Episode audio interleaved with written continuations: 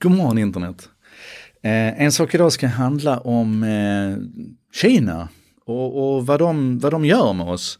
Jag har precis hållit ett webbinar där jag använde WeChat som ett, eh, ett case. Och, eh, det har inte hunnit bli gammalt än kan jag säga. Det är så häftigt att studera WeChat och den penetrationen de har i Kina med sina 92% av den vuxna befolkningen som använder och hur de bygger plattform nu som till och med utmanar Apple med den här interna appstoren de bygger. Och hur otroligt integrerat det är så till och med när du ska betala din rörmakare för han har fixat stoppet i avloppet så gör du naturligtvis det med WeChat. Ska du söka visum så gör du det i WeChat. Alltså, jag skulle kunna prata en, en hel vecka om WeChat. Jag tycker det är så häftigt. I synnerhet nu när de börjar bli lite utmanade så att vi dessutom kan, kan titta på hur de möter konkurrensen.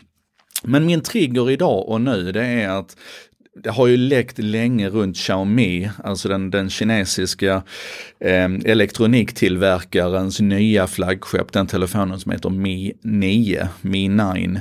Eh, och, och, Xiaomi är ju ett fantastiskt företag i sig, de är ju lite uppstickare på den kinesiska marknaden. Vi har ju företag som Huawei, som är Huawei ska jag säga, som är, är gigantiskt och som nu är så stora att man liksom i, i USA börjar bli riktigt oroliga för att använda dem och sådär. Och det finns en hel, runt Huawei har det just startats en hel diskussion runt kinesiska företag och, och industrispionage och sådär. Vi har DJI som ju definitivt leder utvecklingen på drönarfronten. Och, ja, det är så mycket spännande som händer däröver. Det är ju långt ifrån så att de bara kopierar idag, alltså den, den bilden man hade av dem tidigare. DJI är otroligt innovativa till exempel. Men det är också Xiaomi. Och om du följer mig i digitala kanaler i, i vanliga fall så, här, så såg du kanske att jag tror det var i somras som jag postade en bild eh, på en, en liten Xiaomi-butik i Palma på Mallorca. Alltså en flagship store för en, en kinesisk elektroniktillverkare i lilla Palma.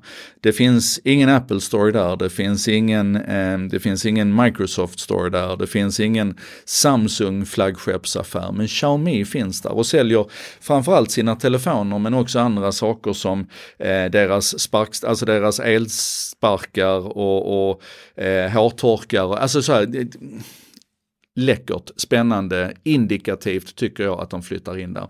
Men nu gällde det då Mi 9 där de precis har kommit ut nu, eh, den, den, ska väl släppas här nu i, i dagarna, man har pratat mars.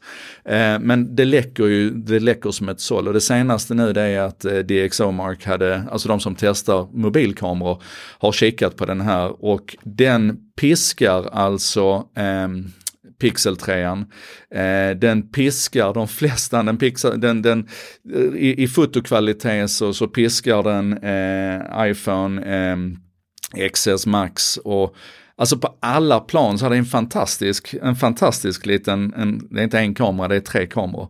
Eh, och på alla andra plan så här, den, den kör ju Android i botten med, med Android 9 Pi eh, med deras eget interface ovanpå och, och eh, eh alla specifikationer är helt uppe i samma nivå som, som vilken flaggskeppstelefon som helst, alltså vilken iPhone eh, 10X, 10S Max, eh, Pixel 3, de fetaste Samsungarna, de fetaste Huawei-telefonerna, den är där och fightas med dem. Och när man sen då inte bara tittar på specifikationerna utan man tittar på den faktiska kvaliteten och användandet och sådär, eh, it's amazing. Och det vi då ska komma ihåg det är att eh, prismässigt, eh, min iPhone 10s Max som jag filmar detta nu med den kostade 18 000. Min Pixel 3 kostar 10 tror jag. Och den här som då är helt i samma nivå kvalitetsmässigt och, och sådär åtminstone vad det verkar, jag har inte hållit den i handen än. Den köper du alltså den minsta modellen för 430 euro, den största modellen för 785 euro. Um, och det är med så bells and whistles, om du bara ska köpa eh, den stora modellen men utan så här speciella finesser så kostar den 480 dollar. Alltså den med 8 gig internmin och 256 gigabyte lagringsmedia, bra spec, kostar 480 euro. Jag tycker det är fantastiskt. Och, och eh, i vissa stycken så kan man redan nu i specifikationerna se att den går längre än vad både iPhonen och, och Pixeln och Samsungen gör och sådär i, i den här snabbladdningen, den trådlösa snabbladdningen. Och så. Alltså, det här är mindblowing. Och vad jag vill säga här är att vi måste börja hålla koll på, på kineserna på riktigt här nu. Och, och de produkterna som kommer från Kina, de är otroligt bra. Eh, och de kan prissätta dem och de kan liksom leverera dem på ett sätt som gör att vi på allvar måste börja fundera över vad fan ska vi syssla med. Ehm, alla vi andra här, vad ska Apple syssla med, vad ska, vad ska Pixeln, var ska den ta vägen? Mm. Ehm, Odelad entusiasm. Jag ser verkligen fram emot, jag kommer göra allt jag kan för att få händerna på en, eh, en, en Xiaomi Mi 9 så snart jag bara kan.